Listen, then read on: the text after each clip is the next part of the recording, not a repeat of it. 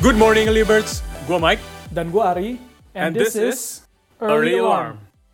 And we're back. Gila Mike. Nggak berasa ya, udah seminggu lebih sejak podcast terakhir kita. Ya, dude. Dan selama ini tuh banyak news yang interesting yang mesti kita cover kali ini, Ari ya. Yoi bro, tapi Mike, let's give a summary dulu deh. Update market. Yap, tapi mungkin sebelum itu, mungkin ada juga nih yang baru pertama kali dengar kita. Jadi di Early Alarm ini sebenarnya bukan cuma kita berdua, tapi ada juga Randy sama Silvin, di mana mereka itu bagiannya yang ngolah data. Yep. Tapi ada juga sesekali mereka join jadi host. Yes Mike. And kita di sini untuk share point of view yang beda Mhm. di bidang macroeconomics and investment, purely untuk share knowledge ke kalian semua. Yes. Oke, kita balik lagi ke podcast kita hari ini. Banyak dari kalian mungkin udah lihat juga bahwa stock market belakangan ini tuh lagi dalam kangaroo market. Iya men, naik turun kagak jelas. Bull market kagak, bear market juga kagak. Jadi ya akhirnya di situ-situ aja nilainya. Yes. Dan yang belum familiar sama istilahnya, bull market itu secara general kondisinya itu atau trennya lagi naik. Nah, kalau bear market, ya sebaliknya. Secara general, aset itu lagi dalam kondisi atau tren yang menurun. Yoi. Nah, kalau kangaroo market ini itu tuh istilahnya baru muncul belakangan ini. Ya semenjak COVID-19 lah ya. Iya Mike. Dimana untuk saham US udah officially lepas dari longest bull market mereka ya. Tapi kenapa Mike dibilang kangaroo market? Gimana tuh? Yes. Sebenarnya ini lucu juga ya. Iya, iya. Basically kayak yang lu bilang tadi, itu naik turun nggak karuan lah. Atau formally dibilangnya lagi konsolidasi lah. Which is yang kondisi US market sekarang ini. Yep, di sini orang tuh ya masih galau ya Mike ibaratnya. Yep. Karena ya kondisinya masih belum jelas antara bull atau bear ya bro ya. Yep. Dan menurut kita, sebenarnya yang trigger kangaroo market ini salah satunya karena jumlah rekening yang bertambah banyak.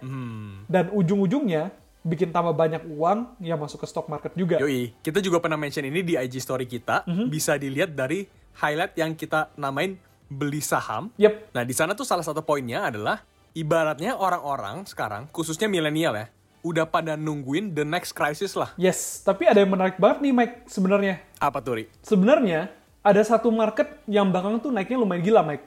Dan ini bakal jadi topik kita hari ini. A prawn in China's Valley. Let's dive in Mike.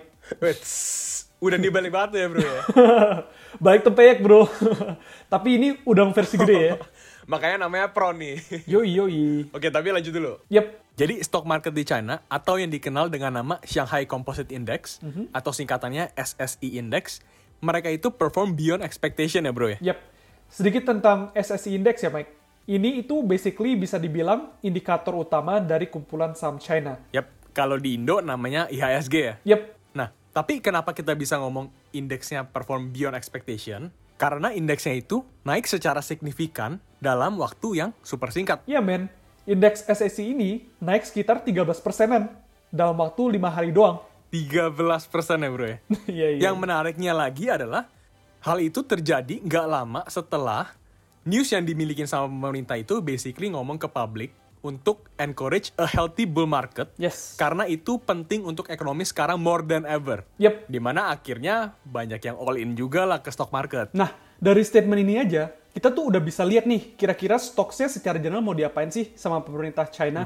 Karena sebenarnya ya Mike, dari data yang ada aja itu nggak mendukung untuk bull market rally.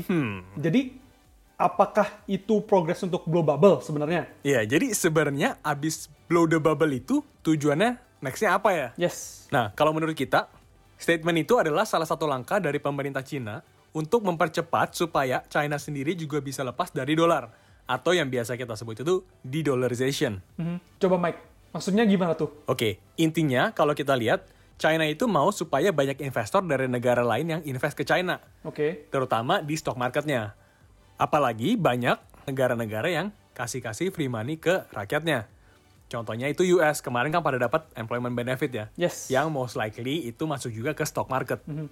Nah, ibaratnya si China tuh nyerap duit-duit gratis yang dikasih US. Yes. dan yang emang udah existing di stock market juga dengan tujuan ekonomi China tuh nggak lagi bergantung sama pergerakan dari ekonomi US. Nah, mungkin pada mikir nih, emang bergantungnya gimana? Coba jelasin, Ri. Gini Mike, yang kayak kita tahu salah satu negara yang langganan impor barang dari China tuh si US kan ya. Yes. Tapi mereka itu impornya nggak bisa bayar. Ya defisit terus tiap tahun gimana caranya mau bayar juga. Akhirnya mereka ya utanglah sama China. Nah, otomatis kalau misalnya US tenggelam, otomatis China juga ikutan tenggelam lah. Mhm, betul. Jadi buat mitigasi itu dibukalah lebar-lebar biar banyak negara-negara asing yang invest ke dalam China, terutama lewat stock marketnya. Iya Mike, simpelnya balik lagi tuh ujung-ujungnya dengan banyaknya dana investasi yang masuk, China itu bertujuan untuk memperkuat produktif ekonomi mereka atau namanya kerennya Austrian Economics. Yes. Dan kalau misalnya emang bener China bisa achieve that goal, maka in the long run, China itu berpotensi menjadi negara yang ekonominya kuat di dunia. Tapi before going deeper, kita mau coba jelasin dulu tentang Austrian economics. Harus dong. Jadi, Austrian economics is an economic theory yang menganut pemahaman bahwa pemicu perkembangan ekonomi adalah produktivitas. Jadi yang dimaksud dari produktivitas ini adalah untuk tingkatin perkembangan ekonomi, negara itu harus bisa tingkatin produktivitas mereka, terutama terhadap barang-barang yang bisa naikin standar kehidupan masyarakat. Exactly. Sebenarnya itu adalah salah satu dari dua aliran teori ekonomi, Mhm. di mana yang satunya lagi adalah Keynesian Economics, yang dianut rata-rata negara di dunia. Ya nggak jauh-jauh lah, Mike. Dari SMP sampai kuliah aja juga kita emang cuma dibekalin sama Keynesian Economics. Kalau gue sih dibekelinnya roti sama pisang, bro. Wah, kasihan juga ya lu bro, cuma makan itu doang. di Aussie krisis makanan emang. ya abisnya pilihannya kalau nggak kangaroo jerky, bro. Waduh. Gimana dong? oh dang bro, that's your national symbol man. I know, Malah right? dimakan. Oke oke, udah off track nih. Iya, iya, iya. Anyway, Keynesian Economics itu secara simpel berpendapat bahwa spending adalah pemicu perkembangan dari ekonomi. Nah, menurut Keynesian, asalkan terjadi spending maupun pakai utang atau print duit, ekonomi akan berkembang. Yes, jadi perbedaannya adalah Keynesian dasarnya itu ke spending. Kalau misalnya Austrian dasarnya lebih ke productivity. Basically, kalau dari point of view kita, dari pergerakan China dan langkah-langkah yang diambil selama ini, China itu udah menyiapkan ekonominya untuk lebih arah ke Austrian economy. Yoi. Dengan productivity mereka ningkat dan tingkat surplus yang terjaga, pada akhirnya mereka bisa balik lagi ke gold standard. Yep.